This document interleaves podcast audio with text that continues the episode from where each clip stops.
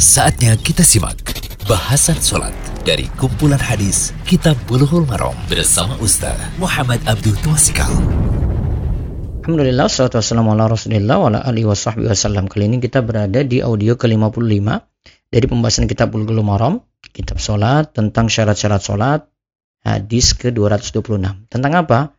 Menggendong anak kecil saat sholat dan banyak gerakan dalam sholat. Hadis ini dari Abu Qatadah radhiyallahu anhu. Ia berkata, karena Rasulullah sallallahu alaihi wasallam yusalli wa hamilun Umamata binta Zainab fa idza sajada wada'aha wa idza qama hamalaha. Mutafaqun alaihi wa muslimin wa huwa ya'ummun nasa fil masjid. Dari Abu Qatadah radhiyallahu anhu ia berkata, Rasulullah sallallahu alaihi wasallam pernah salat sambil menggendong Umamah binti Zainab. Jika beliau sujud, beliau meletakkannya dan jika beliau berdiri, beliau menggendongnya. Mutafakun alaihi dalam riwayat Muslim dikatakan sedang beliau mengimami orang-orang di masjid. Hadis ini riwayat Bukhari dan Muslim. Ya, tentang Umar binti Zainab dan Zainab putri Rasulullah Sallallahu Alaihi Wasallam, kita tahu Umama itu adalah putri dari Zainab. Umama disandarkan kepada ibunya karena mulianya Zainab, mulianya nasab Zainab sebagai putri Rasulullah Shallallahu Alaihi Wasallam. Ada juga alasannya karena bapak Umama awalnya itu seorang musyrik. Jadi Zainab itu putri tertua Rasulullah Shallallahu Alaihi Wasallam. Ada yang katakan Zainab itu anak tertua beliau. Zainab itu adalah putri dari pernikahan Nabi SAW dengan Khadijah binti Khuwailid. Zainab lahir saat usia Nabi 30 tahun. Zainab menikah dengan Abu As. Pernikahan Zainab dan Abu As itu berlangsung beberapa waktu sebelum Nabi Wasallam diangkat menjadi Nabi. Kemudian Zainab berhijrah dan meninggalkan suaminya yang masih musyrik.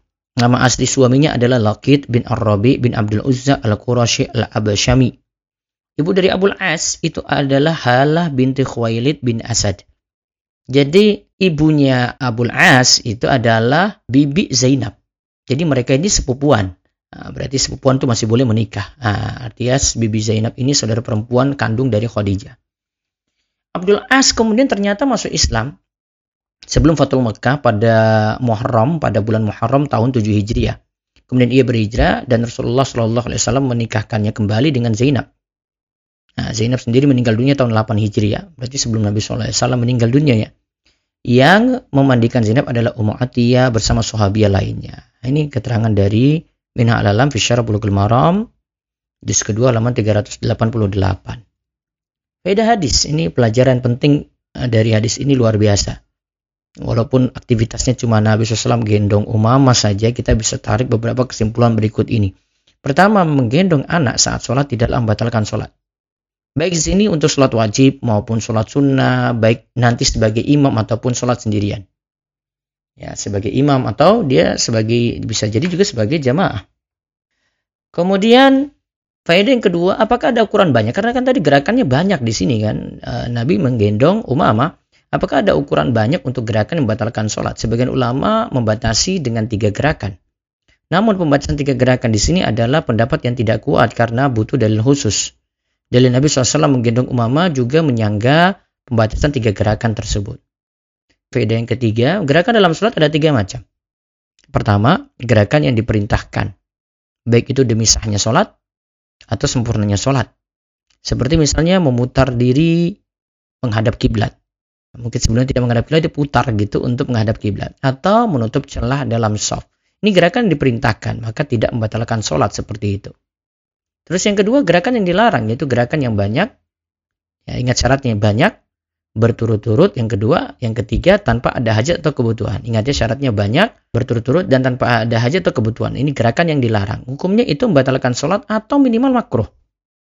Seperti meraba-raba jam tangan saat sholat atau bermain-main dengan jenggot. Nah, jika tadi terpenuhi tiga syarat, gerakannya banyak, berturut-turut tanpa ada hajat, bisa membatalkan sholat atau minimal makruh. Kemudian yang ketiga, ada gerakan mubah, yaitu gerakan yang sedikit karena ada hajat atau butuh, seperti menggendong bayi saat sholat, atau gerakan yang banyak karena darurat. Ya, ada gerakan sedikit karena butuh, atau gerakan yang banyak karena darurat. Seperti dalam sholat khauf. Sholat khauf itu bisa sambil pegang senjata, banyak gerak, ya untuk menghadapi musuh. Kemudian yang keempat, boleh menggendong bayi saat sholat karena bayi atau manusia asalnya suci. Pakaian dan badan bayi juga asalnya suci selama tidak ketahuan adanya najis. Yang kelima, kemuliaan akhlak Nabi Shallallahu Alaihi Wasallam pada anak-anak dan tanda ketawaduan beliau di hadapan anak-anak. Yang keenam, hadis ini dibawakan oleh Imam Bukhari dalam Al-Adab Al-Mufrad dalam kitab beliau dalam Al-Adab Al-Mufrad pada judul bab kasih sayang pada anak mencium dan memeluknya. Ini artinya kita diperintahkan untuk menyayangi anak-anak.